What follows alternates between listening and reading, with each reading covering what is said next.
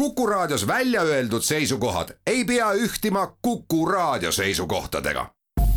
Te kuulate Kuku Raadiot.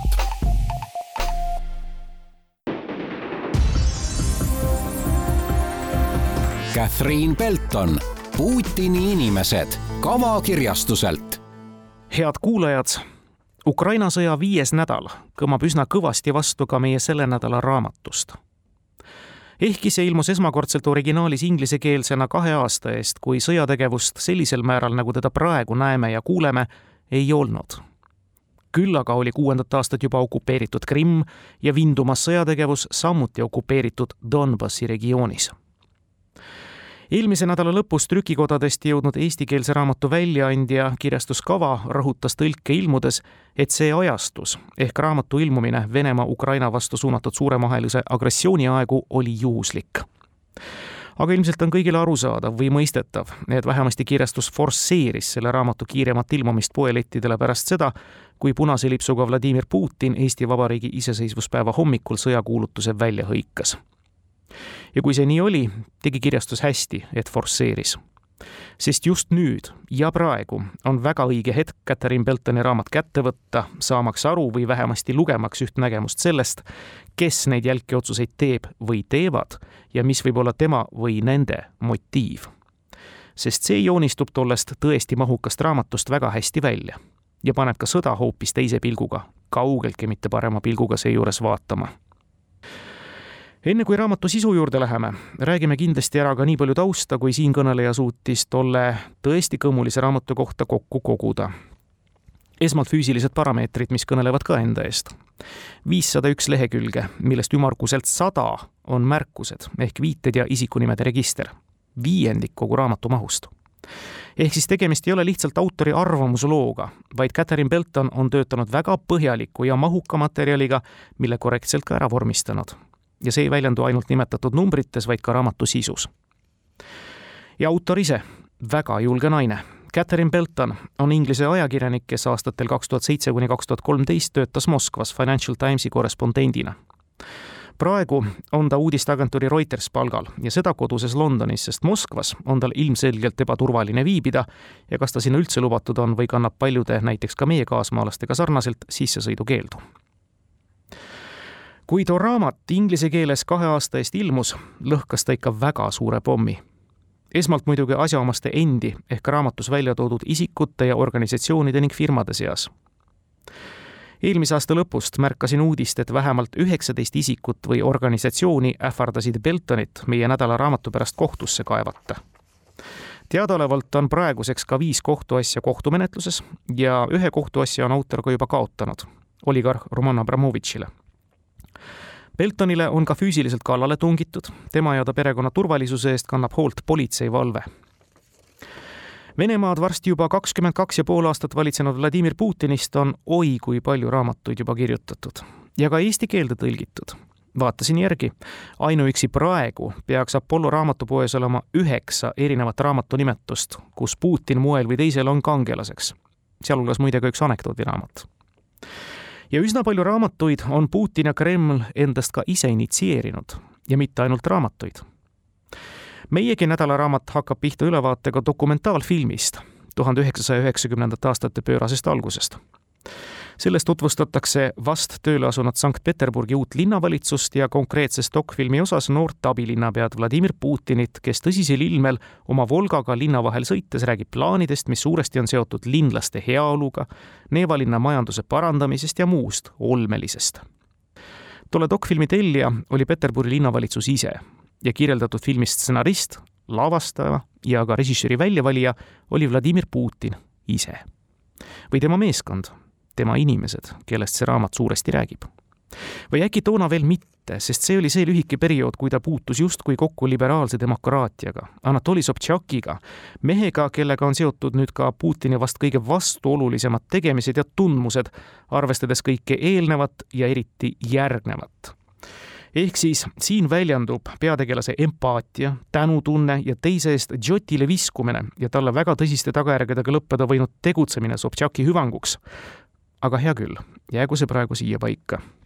tegelikult tahtsin rääkida sellest, et kõigi selle raamatute, filmide ja kõige muu publitsistika koorma seas on Catherine Beltoni raamat üks väheseid, mis ilmselt peakangelast ja tema ringi inimesi nii närvi ajas, et see iseenesest juba raamatule võimsa reklaamina mõjus ja pani teda lugema ka kõik need, kes arvasid Putinist niigi kõike teadvat. sarnast kõmu võisid maailmas tekitada näiteks tänaseks vangistatud Aleksei Navalnõi paljastused Putini paleest Gelendzhikis ja kõiges muustki, mille eest opositsionäär peaaegu et oma elu andis ja nüüd ka siis vangistusega maksab.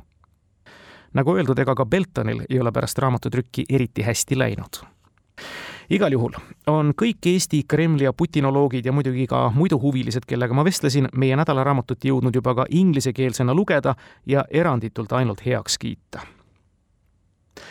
kohtuasjadega ei ähvardanud ja kohtusse ei kaevanud autorit muide ainult Abramovitš ja Kremliga seotud isikud ja ettevõtted.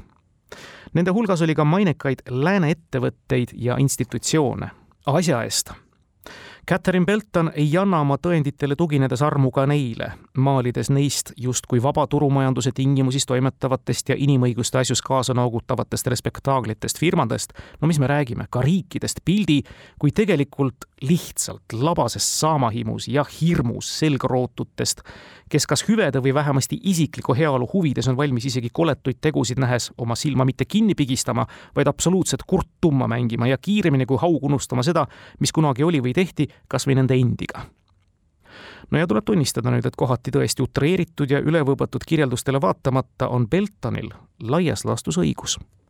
no meenutage, kaua läks aega, et Venemaale üheksakümne kaheksanda aasta finantskriisis kõigile võlgu jäämine andestati? kui palju läänd tegelikult huvitas ja talle korda läksid kortermajade plahvatustes hukkunud, mida nüüdseks on üheselt ju nimetatud FSB kätetööks? Dubrovka pantvangikriisis toimunud inimeste gaasitamine Beslani sadade koolilaste hukkumine, Gruusia sõja ohvrid, venelaste esimene sõjaline invasioon Ukrainasse kaheksa aasta eest. no rääkimata olukorrast inimõigustega nende endi kodumaal, opositsiooni ja ajakirjanduse tasalülitamisest kõige jõhkramate võtetega mm. -mm. Putin oli ikka oodatud külaline paljudes lääneriikides, formaatides a la G8 ja ka Maailma Majandusfoorumitel. ja need lääneriigid, nende suurettevõtted limpsasid keelt või olid sõltlased Venemaa rangelt kontrollitud loodusressursside ja toormaterjali järele. suurettevõtted aga jõukamaks saanud Vene keskklassi raha järele, avades suurlinnades muudkui oma esinduspoode. ja millest ehk polegi nii palju kõneletud, aga millelt autor seda enam valusalt teki pealt reebib. Kui osavalt oskasid Putin ja tema kaaskond no ütleme nüüd ka selle raamatus korduva mõiste ära, silaviki, mõjutada oma üüratult suure ja ropu rahahaisuga näiteks autori enda kodumaa, Ühendkuningriigi poliitikat. Catherine Belton läheb oma raamatus seda kõike kirjeldades väga ohtlikult kaugele ja sügavale välja mitte ainult London Citysse soetatud pööraselt kallis kinnisvara ja selle omanike teenindamine ei toonud brittidele tulu Vene uusrikkad on õlitanud järjepidevalt ja korralikult ka Briti ametnikkonda ja parteisid ja samm edasi minnes Beltoni sõnul ka Briti kohtusüsteemi.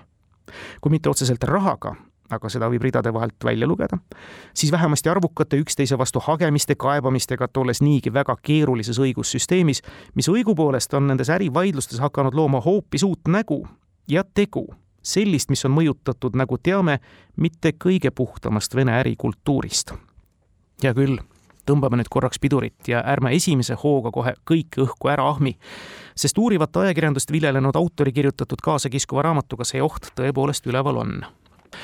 Catherine Belton tugineb üsna palju ja tundub, et mitte just hüvitekstina, aga üsna tuumakalt oma raamatus suuresti ühe mehe meenutustel, kes seda Briti kohtusüsteemi talle ka nõnda kirjeldas, nagu mina teile seega siis suuresti ühe allika jutt, kus kindlasti on, no ütleme, tõetera sees see üks allikas on üsna oluline lüli kogu masinavärgis. laiem üldsus teda üldiselt ei teadnud ega tundnud, ta hoidis ennast meelega varju ja nägi hea meelega ka ennast väga halli kardinalina. Sergei Pugatšov teenis Kremli ja tema isandaid varajastest üheksakümnendatest aastatest, noh kuni ümmarguselt kahe tuhande kümnendani, kui järjekord temani jõudis ja tal poliitiliselt ning äriliselt asi hapuks läks. kui ta esmalt Londonisse ja siis, kui Kremli käsilased talle ka sinna nii füüsiliselt kui juriidiliselt järgi jõudsid, salaja Prantsusmaale pages ja seal siiani redutab. muide, tehnikateaduste doktor. Pugatšov on üks nendest, kes ennast nimetanud Putini presidendiks upitajaks, aga neid on teisigi.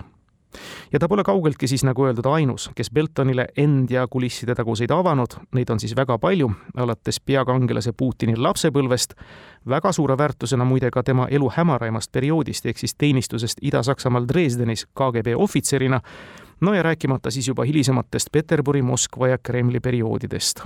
Neid allikaid ikka on. Ja nendes perioodides polnud muidugi Putin kaugeltki üksi, vaid teda ümbritses ja isegi suunas, nagu Belton väidab, kollektiiv. selline, millist teist maailmas kusagilt ei leia. Silaviki ehk seltskond, kes formeeris end juba kaheksakümnendate aastate algupoolel toonase KGB esimeses peavalitsuses ehk tänases Venemaa välisluures. head kuulajad, minevikku teadmata on olevikku keeruline mõista ja tulevikku veel keerulisem prognoosida. või ütle mulle, kes on su sõbrad ja ma ütlen, kes oled sa ise jah, need on klišeelikud, aga üldtuntud tõdemused ja ütlemised rahvatarkuse ning elukogemuse pinnalt. meie nädalaraamatu ja olemasoleva Ukraina sõja kontekstis on nad aga väga täpsed ja töötavad. see, mis käivitus Ukrainas, tundub meie nädalaraamatut lugedes üllatavalt loogiline Catherine Beltoni kirjeldus sellest, kuidas Peterburi kommunaalkorteris üles kasvanud ja sealt ilmselgelt kompleksi eluks kaasa saanud, Leningradi tänavate olelusvõitluses karastunud hilisemast silmapaistvast KGB-dist sai just selliste tegudega ise valitseja. oot, selle viimase sõna nüüd kriipsutame korraks maha. tundub tõesti psühholoogilises ja muuski arengus loogiline. mitte, et seda nüüd õigustaks ei siinkõneleja ega ka autor Catherine Belton. ja see sõpru puudutav tõdemus ei, Putin ei ole Beltonit lugedes isevalitseja ja nagu ka raamatu pealkiri otse osundab, tal on inimesed. kui lühidalt kokku võtta, kellest autor räägib, need on silaviki. otsetõlkes siis mingi jõuameti esindajad. ja minnes konkreetsemaks, siis omaaegse KGB esimese peavalitsuse ehk välisluure inimesed, kelledest küll mõnede puhul tuleb juurde lisandus kas väidetavalt või seotud autor toob nad üsna raamatu alguses lugejale välja, nagu mõnes näidendi raamatus osatäitjaid tuuakse. ehkki neid palju ei ole, ei hakka siinkohal neid kõiki välja tooma. teistest mõjukamad ehk on raamatut lugedes, ja see on subjektiivne arvamus, Gennadi Timtšenko, Igor Setšin, Nikolai Patrušev ja ehk ka Viktor Ivanov. Nendest esimese puhul kasutame siis sõna väidetav KGB töötaja. teiste puhul ei ole see fakt saladusse jäänud igal juhul annab Belton mõista, et see silovikkide klikk või klann on kujundanud ja suunanud Putinit, poliitikat ja kogu Venemaad vähemalt neli aastakümmet. jah, isegi nii palju aastaid. on nüüd tõesti mõistlik minna koos raamatuga aastasse tuhat üheksasada kaheksakümmend kaks, kui NSV Liidu juhiks tõusis sealtsamast KGB-st Juri Andropov kuuldavasti mees, kes mõistis, et tüdini stagneeruvasse aastakümneid tammunud majandusse ja riigikorda on vaja tuua muudatusi. riigi seatud plaaniga tootmine, väga rangelt kontrollitud ja kunstlikult madalal hoitud hindadega turustamine, loodusressursside üüratu raiskamine ja üleüldse kohutava koguse raha ja majanduse kogutoodangu sõjaväe alla matmine külma sõja võidurelvastumise tingimustes, no ja rääkimata üüratust varastamisest ja üldisest isoleeritusest muust maailmast see kõik pani toonaseks hetkeks juba majandusliku ja sotsiaalse pommi maailma suurimas riigis üsna ähvardavalt tiksuma. aga Andropov ei jõudnud oma lühikeseks jäänud aja jooksul sisuliselt midagi ära teha. selleks tuli ära oodata Gorbatšovi võimuletõus aastal tuhat üheksasada kaheksakümmend viis aga toonases KGB esimeses peavalitsuses ehk välisluures oli noori ja maailma näinud mehi, no välisluurajad ikkagi, kes omasid kõigi oma omaduste hulgas ka analüüsivõimet ja oskasid halvimat ette aimata. ja asusid end aegsasti selleks ette valmistama. just endid ette valmistama, nagu loomaomane, oma tagalat esmalt kindlustades KGB üks ülesandeid oli mõjutada ka mõistagi välisriikide poliitikat ja eluolu läbi igasuguste tegude, mida lühidalt kutsuti aktiivmeetmeteks. see tähendas muuhulgas ka välismaal keelatud kommunistlike parteide või muude opositsiooniliste liikmete rahastamist, mõjutus ja ka varjatud vaenutegevust, no ikka rahaga, mida KGB välisluurel oli kasutada oi-oi kui palju ja ka võimalusi antud seda juurde teha ja seda raha kasutati nii sihtotstarbepäraselt kui ka läbi mitme keerulise finantsmehhanismi ja mahhinatsiooni nii-öelda oma musta kassa täitmiseks ja võrgustiku kindlustamiseks. see, kuidas see täpselt käis, see kirjeldus võtab väga palju Beltoni raamatust ruumi ja seda tasub lugeda. ka on see ütlemata tuttav tänases päevas, kui oleme lugenud lugusid rahapesust igasugu firmadesse ja arvetele paigutamine läbi tehingute, mida tegelikult ei toimunud ja nii edasi. See muster läbib joonena meie lugemist kaanest kaaneni, sest seda kasutas Putini kaaskond ja ka hilisemad oligarhid ja seda kuni viimase ajani välja sarnane tegevus käis ka tuhande üheksasaja kaheksakümne viiendal aastal Ida-Saksamaal Dresdenis, kuhu KGB punalipulise instituudi lõpetanud kolmekümne kahe aastane Vladimir Putin tööle suunati. Venemaa presidendi ametlik elulugu on korduvalt rõhutanud, et Vladimir Putin tegi KGB ohvitserina Dresdenis suhteliselt mõttetut tööd ja oli üleüldse väheaktiivne ja vähesaavutav ohvitser. ehk justkui minevikus iludes on kirjutatud, et ta peale mõne informaatori palkamise ja sisutute raportite kirjutamise nagu midagi muud ei teinudki. muidugi ei tasu seda võtta kaugeltki tõena. Catherine Beltonil ei ole küll otseselt tõendeid, on vaid vestlused mõnede toonaste kaastöötajate ja mis oluline, ka Saksa DV kurikuulsa eriteenistuse Stasi töötajatega, keda KGB nii Dresdenis kui ka mujal Ida-Saksamaal patroneeris. ja nendest vestlustest joonistub välja hoopis teine pilt see Dresden võis näida küll üsna mõttetu provintsilinnana, aga ta oli oluline tuiksoon, mis puudutas näiteks keelatud ehk sanktsioneeritud elektroonilise kauba illegaalset vedu läänest itta. tööstus ja elektroonikaspionaaž olid selles vallas üüratult maha jäänud Nõukogude Liidule kindlasti elulise tähtsusega harud ja nendest tuksus kahtlemata ka Vladimir Putin Belton toob välja näiteks Lääne-Saksamaa elektroonikagiganti Siemensi, kelle saladusi püüti virutada ja võib-olla et ka üht-teist saadi. ja teine valdkond, otseselt juba terrorism. Läinud sajandi seitsmekümnendatel ja kaheksakümnendatel aastatel külvasid Saksamaal üsna palju hirmu terroriteod, peamiselt ohvritega pommiplahvatused, mille korraldas Ida-Saksamaa pinnalt lähtunud äärmusvasakpoolne rühmitus Punaarmee fraktsioon ja seesama uimane provintsilinn Dresden oli üks nende resideerumispaikasid. muidugi rahastas rühmitust kui vaenulikus läänes segadust külvavat ka KGB ja andis talle väidetavalt ka juhiseid. ja see on nüüd taaskord motiiv, mis hakkab korduma läbi raamatu kasutada organiseeritud kuritegevust või muidu halbade kavatsustega seltskonda omaenda eesmärkide saavutamiseks enda käsi määrimata. Putin väidavad need, kes on Beltonile intervjuu andnud. Ja meenutame, need on mõjukad allikad Stasist ja KGB-st, oli üks neist, kes Punaarmee fraktsiooni liikmetega päris kindlasti kohtus. ja ilmselt andis neile ka kohtumisel suuniseid. Ja vahendas päris kindlasti relvi ja raha. Tuhande üheksasaja kaheksakümne üheksandal aastal hukkus kõmulises autoplahvatuses Frankfurdi lähedal tuntud Lääne-Saksa majandustegelane, Deutsche Banki president Alfred Herrhausen hilisem uurimine tuvastas, et pomm pandi plahvatama sensorite peale, kui Herhauseni masin läbis teatud punktid. ja tuvastas sellegi, et täpselt seda tehnikat kasutab KGB. ehkki too mõrv Punaarmee fraktsiooni nimele kirjutati. Catherine Belton kohtus raamatu tarvis endise Stasi tähtsaima asjaajajaga Dresdenis Horst Jemlichiga ja küsis talt otse ja muidu jutukas ekstasilane vastas Putini seotusele antud mõrvaga mõtlikult, et ta ei tea kui, siis oli see ülisalajane, mina ei teadnud. ilmselt tegi KGB kõik, et keegi sellest teada ei saaks. Nad oleksid öelnud, et see on Saksa probleem. Neil õnnestus hävitada palju rohkem dokumente kui meil, väitis Jemlich. ja see viimane lause muide on Putini võimaliku Dresdeni verise mineviku koha pealt üks võtmelause. tõepoolest Nõukogude Liidu viimastel kuudel ja nädalatel, kus krahh paistis kauge kaarega tulema, põletasid Dresdeni KGB ohvitserid sisuliselt kogu oma dokumentatsiooni ära. ja Putin isegi muide on hiljem möönnud, et viimased kolm lähetuse päeva ta muud ei teinudki, kui ainult küttis, nõndaviisi, et nende Dresdeni villa residentsi ahi lõhki läks ja nõnda polegi tollest perioodist säilinud Putini kohta midagi muud kui üks Stasi koostatud õhuke toimik koos mõne foto ja mitte midagi ütleva dokumendiga aga suulised mälestused nendelt, kes teda sellest ajast mäletavad, lasevad aimata paljut, kui aga fantaasiat on. Igal juhul oli juba noorena KGB-sse ja välismaale ihanud Putini pettumus esmalt Dresdenisse sattudes suur ja veel suurem sealt ära tulles, sest selle tingis sunnitult suure kodumaa lagunemise protsess see juhtus tegelikult veidi varemgi, Berliini müüri langemise aegu, mis tõi koheselt kaasa ka lihtsate sakslaste protestilaine oma ja võõraste jõuametkondade hoonete ees, ka Dresdenis. nüüd tsiteerin õhtupoole mõnikümmend protestijat eraldus Stasi peahoone juurest ja suundus KGB villa poole.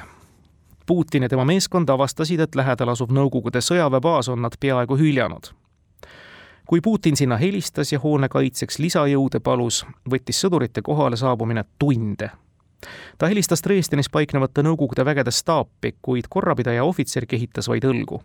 ilma Moskva korralduseta ei saa me midagi teha ja Moskva on vait. Putinile näis see kõige selle reetmisena, mille nimel nad olid töötanud.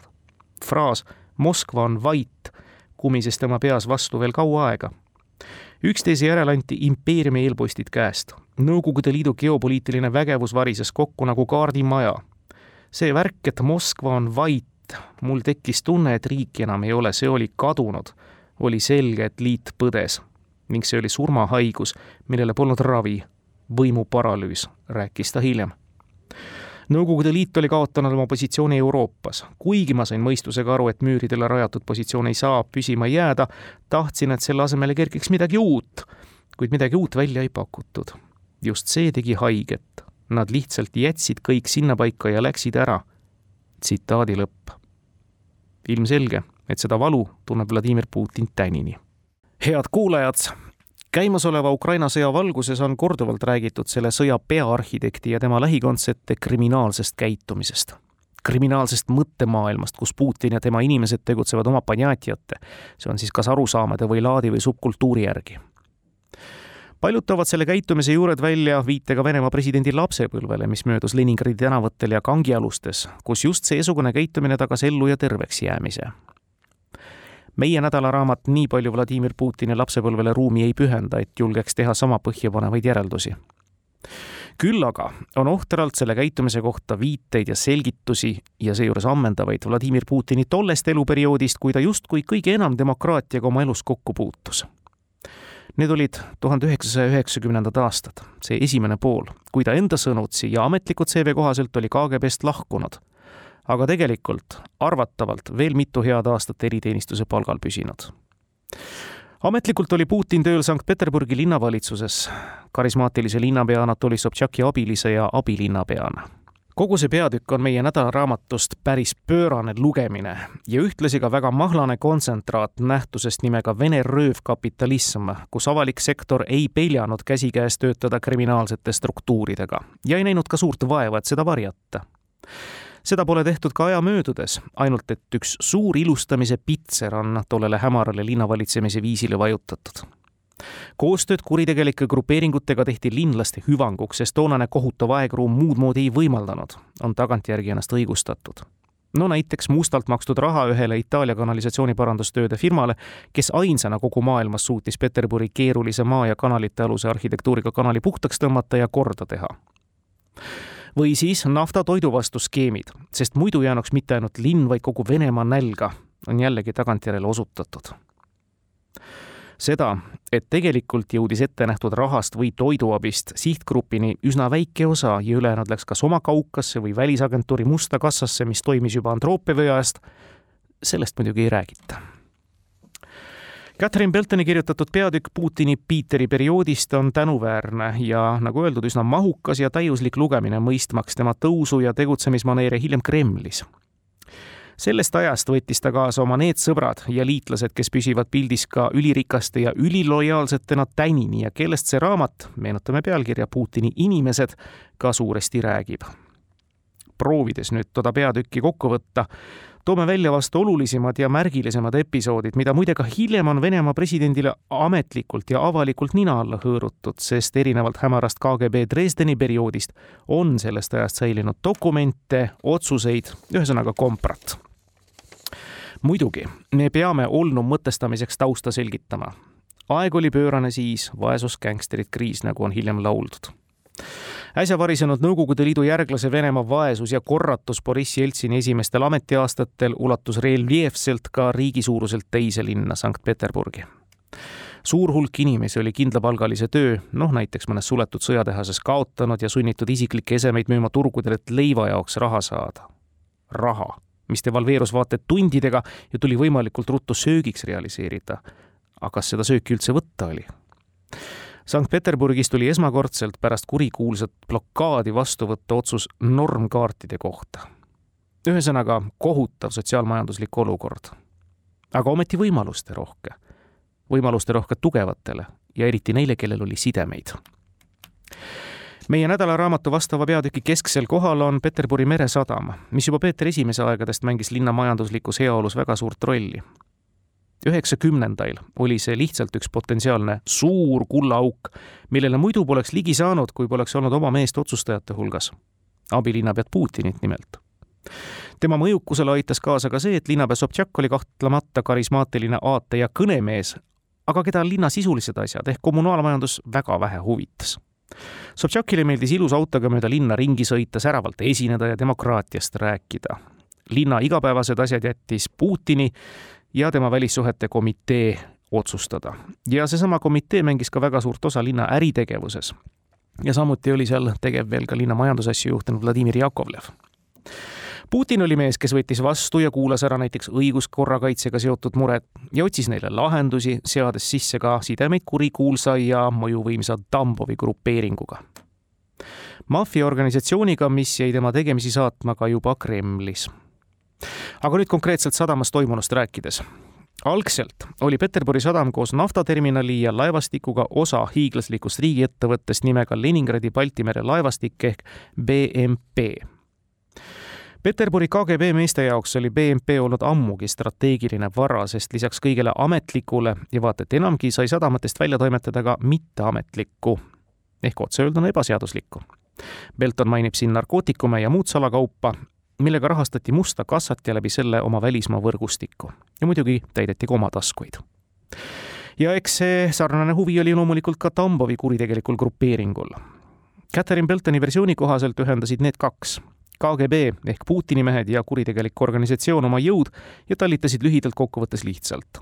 esimese sammuna vahistati sadama ametlik juht Viktor Hartšenko, pühendunud liberaal, kes oli saanud läbi Gorbatšovi perestroika reformide ajal valitsuselt loa kujundada kompanii oma lääniks ja mis põhiline, ta oli sõltumatu ja lugupeetud inimene, kes ühel õhtul vahistati otse kiirrongis süüdistatuna raha sadamast välja kantimises.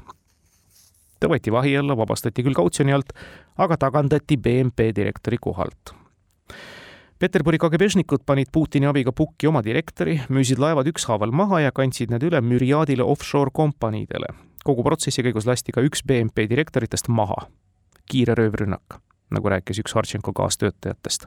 üks vähestest, kes julgeb üldse rääkida toimunust edasi mindi erastamise teed, kus sadama töötajatelt vastavad vautšerid ära osteti ja läbi tohutu hulga mahhinatsioonide killustatud sadamaüksused ükshaaval ja mis oluline, naftaterminal nende keskel Tambovi grupeeringule kontrollida jäi. muidugi on see lugu märksa mitmekihilisem ja Belton võtab sellest kaasahaaravamalt kirjutada, kui praegu siin lühikokkuvõttes jõudsin rääkida. Oluline oli see sigadus siin välja tuua seetõttu, et see muster ja käekiri kordub Putini ja tema lähikondsete puhul ju hiljemgi. Mihhail Hodorkovski loo puhul näiteks kindlasti tahaks Putini Peterburi perioodi teise silmapaistva kuritegude sarjana välja tuua küll elulisel vajadusel ellu kutsutud, aga väga halvasti realiseerunud nafta toidu vastu skeemi, mis küll toitu vähe, aga musta raha asjaomastele väga palju sisse tõi seda lugu on ka hiljem justkui Putini esimest avalikku skandaali esile toodud ja selle eest kandis hoolt vapper Marina Salje, toonane Peterburi linnavolikogu liige ja Sobtšaki Putini otsene rivaal tolles linnavolikogus. meenutame, demokraatlikult valitud kogus. Marina Salje hakkas sel üüratul toidu- ja rahanappuse aegadel läbi suruma barterskeemi, mis võimaldanuks linnal vahetada toormaterjali toiduainete impordi vastu. see tundus ainus tee olevat ummikust välja föderaaltasandil oli see süsteem juba loodud, lahendamaks kriisi, millega seisis silmitsi kogu riik Moskva valitsus oli alustanud kvootide väljastamist, mis võimaldas eksportida vahetuseks toiduainete vastu kindlaks määratud kogustes riigiettevõtetele kuuluvaid loodusvarasid, noh, naftat, metalli, puitu, muldmetalle. aga kui linnavolinik Salje alustas linnapea kantselei survestamist Peterburile ekspordikvootide kehtestamiseks, kuulis ta jutte, et Putini välissuhete komiteele olid need juba eraldatud. mis kvoodid? Kus on kvoodid? ametlikult ei teadnud neist keegi midagi ja kui lõpuks linnavalitsus nende päringute all murdus ja Putini kõnelema saatis, tuli viimane kahe märkmepaberiga ja ütles, et kogu ülejäänud lugu on üldse ärisaladus. aga Zaljev isa uurimistöö tulemusena selgus, et see vilgas äri oli juba mõnda aega käinud. Putini komitee oli andnud enam kui üheksakümne viie miljoni dollari ulatuses ekspordilube hämarale varifirmade võrgule ja vastutasuks oodatud toiduainete import oli praktiliselt null. Sama oli föderaalvalitsuse üheksasaja miljoni dollari väärtuses väljastatud ekspordikvootidega, mille puhul oli võimatu kindlaks teha, kas Putin ka neid heldelt välja jagas. küllap see nii oli, on autori järeldus. aga kellele ta jagas? siin tuleb mängu juba selline nimi kui Gennadi Timtšenko, kes õppis Putiniga väidetavalt koos KGB koolis ja nüüd ajas äri. kes tegelikult neid lube jagas? See oli Putini kotihoidja ja uksevalvurina vaikselt tegutsenud mees eesruumis, kel ainsana oli voli kedagi Putini jutule lasta ja talle dokumente ette sööta. Igor Setšin. mõlemad on tänagi Putini lähimate kaaskondsetena figureerimas ja muidugi sanktsioneeritud oligarhid. ja mida nende kvootidega siis tehti? üks näide üks Putini antud kvoot võimaldas vaid kaks kuud enne skeemi algust loodud tundmatul firmal omandada ligemale neliteist tonni haruldasi muldmetalle ja seda globaalsest turuhinnast kaks tuhat korda odavamalt ja seeläbi saada siis tohutu kasum, kui see kõik maailmaturu hindadega maha müüdi see skeem, mille Salie avastas, oli peaaegu identne praktikaga, mida kasutasid KGB ühisettevõtted Nõukogude Liidu viimastel päevadel ja millega riigiettevõtted kantisid toormaterjale madala siseturuhinnaga riigist välja ja tulumüügist hoopis kõrgemate maailmaturuhindadega jäi välismaa pangaarvetele. tõsi, siin möönavad kunagised asjaosalised, tuligi skeemitada, et selle musta raha eest Peterburile hädavajalike kanalisatsioonitööde eest tasuda aga taevas küll, kuhu jäi siis eluks vajalik toit? sel teemal vaikitakse. Salie ei jäänud vait, aga Putini hilisemalt võimule tõustes ei olnud antud tema uurimistulemustel kriminaalasjaks vormuda. nii palju tal siiski erinevalt teistest ja hilisematest hüüdjatest vedas, et ta sai elada küll väga tagasitõmbunult oma elu loomuliku lõpuni mis nüüd Putinisse ja tema kaaskondsetesse puutub, siis esimesed rikkused ja toimetamised andsid võimaluse juba ilusamat elu elada. näiteks ehitada endale massiivsed puitmajad Komsomolskaja järve äärde, Oosjero suvila kooperatiivi rajada. see on üks väga märgiline kooperatiiv, mille kohta juba raamatust saab kindlasti edasi lugeda. head kuulajad, tuleb tunnistada, et nõnda mahuka ja sisuka nädalaraamatu tutvustamisel, kui seda Putini inimesed on, seisab tutvustaja alati dilemma ees, mida sellest tohutust materjalist esile tuua, sest kõike paratamatult ei jõua avastasin ka ehmatusega, et ei ole jõudnud eelviimaseks tutvustusjaoks kaugemale kui Putini ja tema kaaskondlaste Sankt-Peterburgi periood.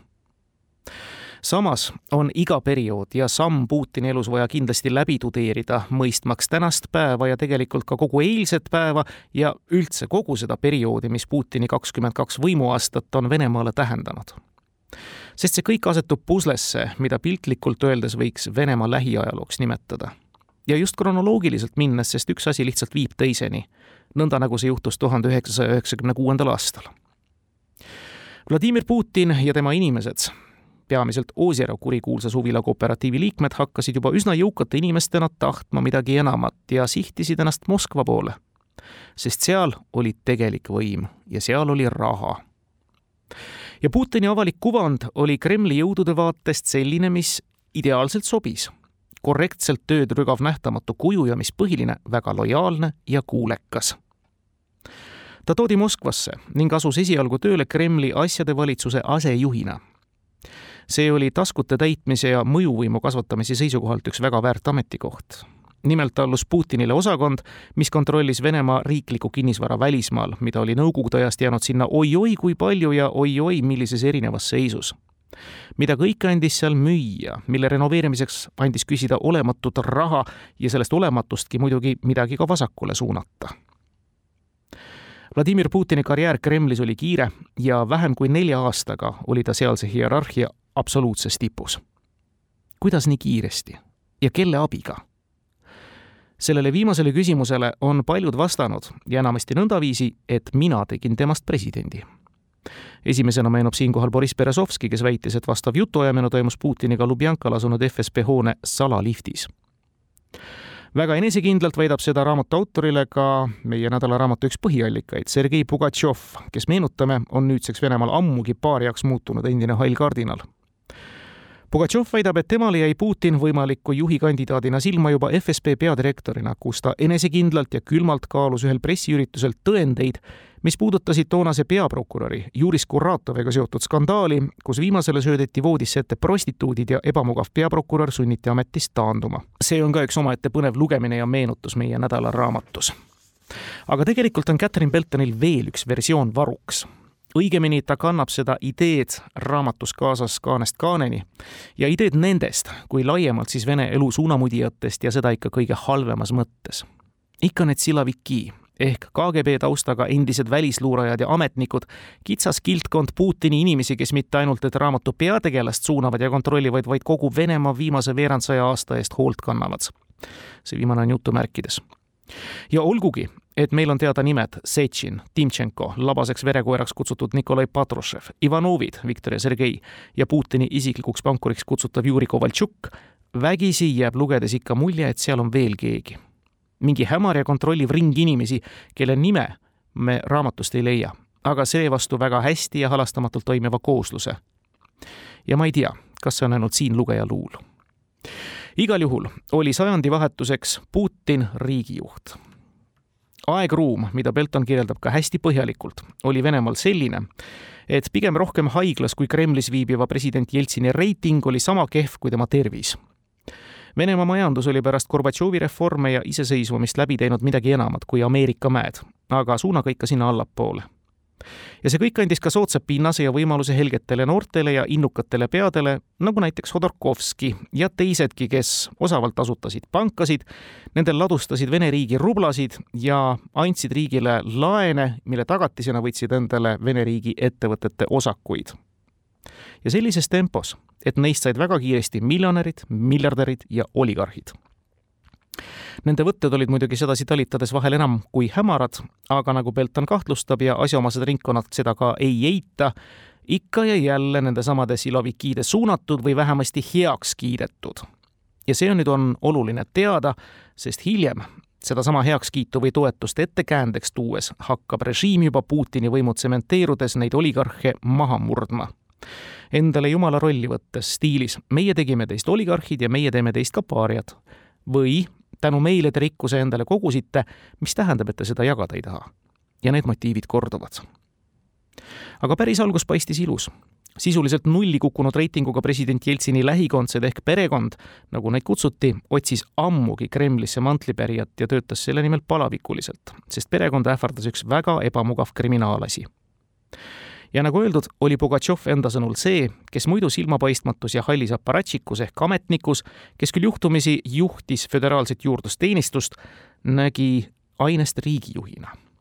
sellisena, kes meeldiks Jeltsini perekonnale, sobiks kuvandina ka vene rahvale ja oleks ka muidu tubli mees majandust mülkast välja tõmbama ning Venemaa rahvusvahelist renomeed tõstma. aga nagu öeldud, see on vaid üks versioon märksa põnevama esitab Belton oma raamatus järgmiste ridadega, tsiteerin. ühel õhtul Moskvas, varsti pärast finantskrahhi, mis hävitas üheksakümne kaheksanda aasta augustis Vene majanduse, kogunes väike rühm KGB ohvitsere ja üks ameeriklane eraviisilisele õhtusöögile. Nende seas olid endine KGB ülem Vladimir Krutškov, Monaco endine julgeolekuülem ja FBI informaator Robert Eringer ja Krutškovi abi Igor Prelin, kes oli olnud üks Putini õppejõude punalipulises luureakadeemias Eringeri sõnul ütles Breilin teistele külalistele, et KGB naaseb peagi võimule. ta teatas. me tunneme kedagi. Te ei ole temast küll midagi kuulnud. ma ei ütle teile, kes see on, aga ta on üks meie seast ja kui temast saab president, siis me oleme tagasi. tsitaadi lõpp. no väga muljetavaldav, aga siiski ainult ühele allikale toetuv lugu aga Beltonil on õnneks ka allikaid, kes KGB plaani raamatus laiemaks räägivad. Julgeolek pidi võimule tulema igal juhul aga selleks oli olemas mitu plaani, A ja B. see esimene nägi ette hoopis endise KGB ja SVR-i välisluurejuhi, hilisema peaministri Jevgeni Pirmakovi tõusu Kremlisse ühes truualama lärmaka Moskva linnapea Juri Lužgoviga selle ja tegelikult üsna reaalseks võimupöördeks kippuva tõusva rünnakut tõrjus esmalt Jeltsin ja tema perekond. Teine ja niisiis märksa rafineeritum plaan B nägi ette Putini esiletoomist esmalt peaministri, seejärel presidendina ja see, nagu täna teame, läks läbi. KGB oli taas võimul ja võimu tsementeerimiseks oli vaja esmalt peategelane oma rahvale meeldima. ja seda eriteenistused juba oskasid, endale omases moes Vladimir Putin tundus kõigile üllatuseks peaministriks määratuna üks järjekordne hall kuju Venemaa valitsuse eesotsas. keegi järjekordne, kelle ebapopulaarne president oli taas kord määranud riigi valitsust juhtima. ja valitsusjuhid vahetusid neil aastatel tõesti tihti. meenutame päris algusest. Vene rahvast šokeerinud majandusreformide järel ametist lahti saanud Jegor Gaidari asemele tuli legendaarne Viktor Tšernomõrdin, kes oli võimul kuus aastat kuni üheksakümne kaheksanda aastani. aga siis järjest Sergei Kirijenko, Jevgeni Primakov ja Sergei Stepašin, kõik nad sisuliselt pooleteist aasta jooksul ja siis tuli Putini kord. augustis tuhat üheksasada üheksakümmend üheksa ilma mingisuguse säraja toetuseta kuniks sama aasta neljanda septembri hilisõhtul purustas autopomm Dagestanis Puinakski linnas kortermaja ja surma sai kuuskümmend kaheksa inimest, peamiselt Vene sõjaväelaste pereliikmed.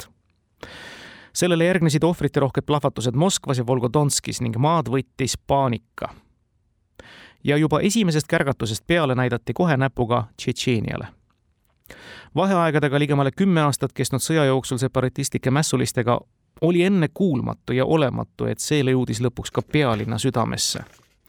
ülemaaline hirm ja ärevus kasvasid. Jeltsini perekonda toona ümbritsenud finantsskandaalid tõrjuti esikülgedelt ja Vladimir Putin tõusis esiplaanile.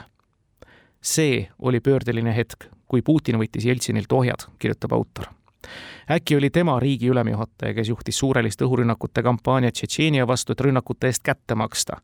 Putin oli tehtud mees, tema populaarsus hüppas hetkega kolmekümne ühe protsendi pealt üheksakümnele. FSB, kelle puhul on nüüdseks juba leitud üsna kindlaid tõendeid terroritegude tegelikult toimepanijana, oli sellegi missiooni hästi enda silmis täitnud. Muide, nende pommiplahvatuste peaarhitektina on viidatud otseselt Nikolai Patruševile, Beltoni kirjeldust mööda üsna räuskavale ja labasele KGB-dile, kes kuuldavasti läks väga marru, kui Rjazanisse plaanitud plahvatus ei kärgatanud aga see ei takistanud alustamast FSB-l ja Putinilt teist Tšetšeenia sõda. see ei takistanud alustamast represseerimist oma eneste inimeste, oligarhide vastu. see ei takistanud pikka plaani tõsta Venemaa maailmas taas mõjuvõimule ja kellekski, kellega kindlasti arvestama peab. head kuulajad, kui tänavuse aasta kahekümne neljanda veebruari varahommikul Kremlist kostus Putini sõjakuulutus Ukrainale, tundus see tol hetkel kogu oma kainestavas jahmatuses muuhulgas ka mingisuguse suure lõpu suure algusena. halvas mõttes muidugi. see sõjakuulutus näis kinnitavat eelaimdust, et oma lõpupoole tüüriv Putin hakkab siis nüüd päriselt realiseerima enda ja oma kitsa kildkonna suurt unistust sedasama, millele ta vihjas juba esimestel võimuaastatel ja millele ta päris otse osundas kurikuulsas Müncheni julgeolekukonverentsi kõnes kahe tuhande seitsmenda aasta veebruaris. see on juba siis viisteist aastat tagasi ja veel seitse aastat enne Krimmi ja Donbassi okupeerimist. tolles kurikuulsas kõnes ründas Putin alustuseks külma sõja järgset maailmakorda, kus USA domineerivat ainsa ülivõimuna. USA on kõigis sfäärides üle oma piiride astunud. ta surub oma tahet teistele riikidele peale majanduses, poliitikas ja humanitaarsfääris. ja kellele see meeldib, kellele see meeldib, küsis Putin korduvalt. ta ründas NATO laienemist endise Varssavi pakti riikidesse. Lääs, ütles ta, trampis mutta garantiid, mille Nõukogude Liidule pärast Berliini müüri langemist andis. see Putini jahmatav tiraad lõppes hoiatusega läänele. külm sõda oli jätnud maha miinivälja, mis tuleb alles puhastada, ütles ta. ideoloogilised stereotüübid, topeltstandardid, kastis mõtlemise mustrid, kõik nad on alles. unipolaarne maailm, kus USA domineerib kõigi üle, on määratud aga läbi kukkuma. maailm, märkis Putin vaikselt, on kiiresti muutumas nõndanimetatud BRICS riigid, kasvavad turud Brasiilia, Venemaa, India ja Hiina kasvavad kiiresti ja heidavad arenenud maailmale väljakutse, prognoosis ta. ja prognoosis, tahame või ei taha, õigesti. ja kui see kõne polnud äratuskell, mis see siis oli? igal juhul läänt see ei äratanud, vaid sundis paremal juhul keerama teist külge ja edasi unelema tegelikult pidanuks maailm ja võimalik, et veel ka demokraatias kõndiv Venemaa ise virguma juba Putini esimestest võimuaastatest, kui mitte kuudest. tagantjärele targana öeldakse täna ja kirjutab Catherine Belton, oskasid Putini kui liidri eest hoiatada või valsaks vähemasti sundida ennegi selle sündmuse sündimist Boriss Jeltsin ise, Putini patroon, kunagine Anatoli Sobtšak ja paljud teisedki. ja kui see nõnda oli, osutusid nad hüüdjaiks hääleks kõrbeks ja kõik hilisemad hüüdjad või no mis me räägime, kõik need teod, mida Putin ja Siloviki ellu viima asusid, nüüd võime päris kindlasti väita, et metoodiliselt, ei mõjutanud läänt suurt kuskile suunda muutma või mudima, kas uskumatusest või saamahimust. raamatut lugedes kipun arvama seda viimast loomulikult, eks uinutavaid pille oli Putini režiimil alguses ka oskuslikult pakkuda. näiteks oli tema esimesi samme Venemaal alandada tulumaksu ühetaoliselt kolmeteistkümnele protsendile see oli samm, mis oli sihitud kodumaistele oligarhidele, et need lõpetaks oma kasumite Venemaalt väljaviimise ja näitamaks läänele, kui hea majanduskeskkonnaga riiki luuakse.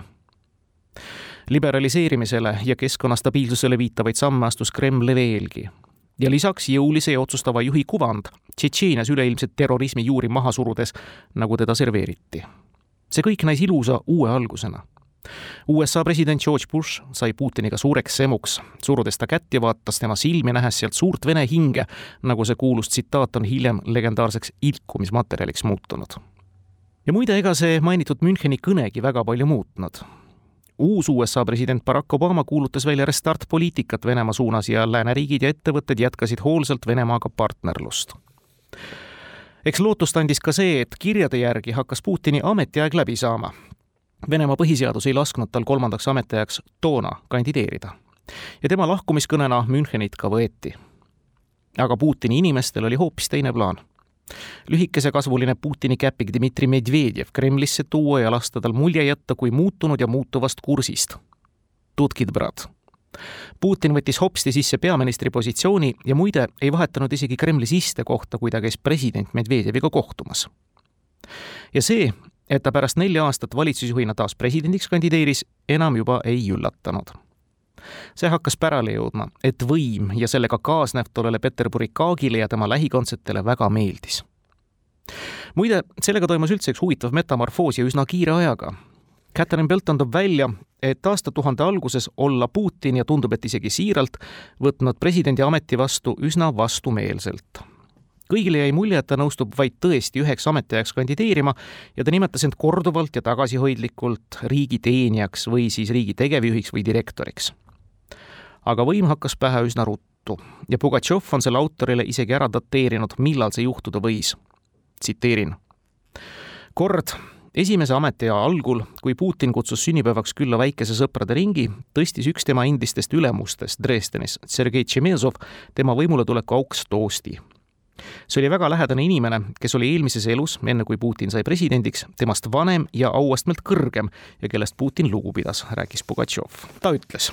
Vladimir Vladimirovitš, ma tahan tõsta klaasi. Te teate, et on möödas palju aega sellest, kui kuulsin esimest korda, et te olete president, kuid tollane tunne ei ole minus kadunud mõtlesin, et mul on tunne, nagu tõuseks päike Venemaa kohale. nüüd saan aru, et sada protsenti rahvast jagab seda tunnet. Pugatšovi meelest oli kõne piinlik ta oli vahele seganud, soovides edasi minna poliitilise olukorra arutamise ja kõigi ees ootavate monumentaalsete ülesannetega. kuid Putin, ütles Pugatšov, põrnitses teda kurjalt ja ütles, et lasku Pugatšov tema sõbral kõne lõpetada. ja viimane vaatas Putinile otse silma ja ütles, et ta on jumala and. ta ütles, et jumal andis riigile valitseja, kes lõpetab vene rahva suured kannatused.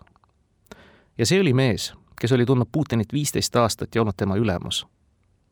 see võis olla murdehetk ja kui sellega veel kaasnes välisilma tunnustus, G8-sse vastuvõtmine, ümardamine ja kummardamine, hakates uskuma oma võimu uue tsaarina, sai ta julgust aina karmimate ja autoritaarsemate otsuste langetamiseks. kogu oligarhia kummardas Putini ees maani, pakkudes talle seda ja toda ja käis tema juures abi palumas pisimakski asjaks, meenutab Pugatšov ja järgnevad kakskümmend aastat on rullunud meie kõigi ees lahti, head kuulajad jõudmata nüüd kahjuks tõesti kõike ümber rääkida, selleks oleks vähemalt ühte nädalat veel vaja, kappame siis kiiresti. esimene avalik kodumaine jõudemonstratsioon oli režiimil oligarh Vladimir Kussinski murdmine. tema tundus kõige tõrksam ja ülbem oma NTV sõltumatu telekanali ja seal linastuva Kukli ehk nukkude seriaaliga, kus Putinit kohe päris tõsiselt pilati. ja seda viimast võtab asjaosaline muide väga hinge järgnes Boriss Berezovski, kellel režiim nägi väga palju patte südamel ega ka oligarh ise ennast tagasi ei hoidnud kriitikaga, kui nägi, millist ussi oli rinnal soojendanud Putinit soosides.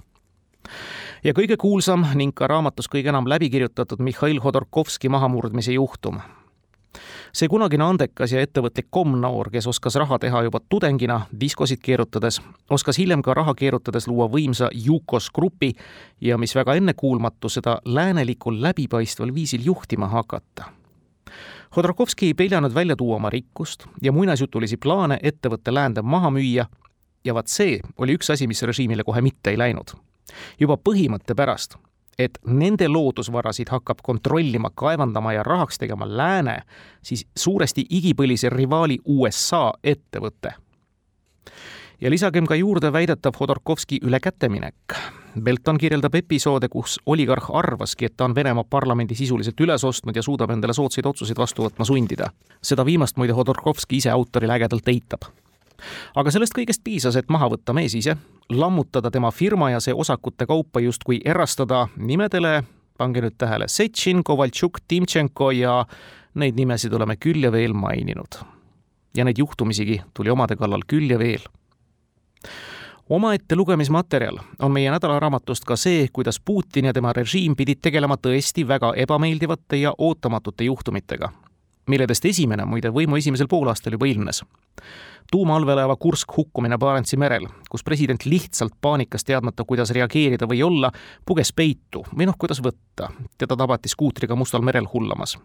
ta tuli alles viiendal katastroofi järgsel päeval välja ja andis endast märku, süüdistades muuhulgas toimunud katastroofis ka läänt või Dubrovka pantvangikriis, kus katmaks kõiki saladusi, ka väidetavalt seda, et kriisi korraldas FSB ja taaskord Nikolai Patrušev, tuli terve teatrisaali täis süütuid inimesi tundmata gaasiga ära lämmatada.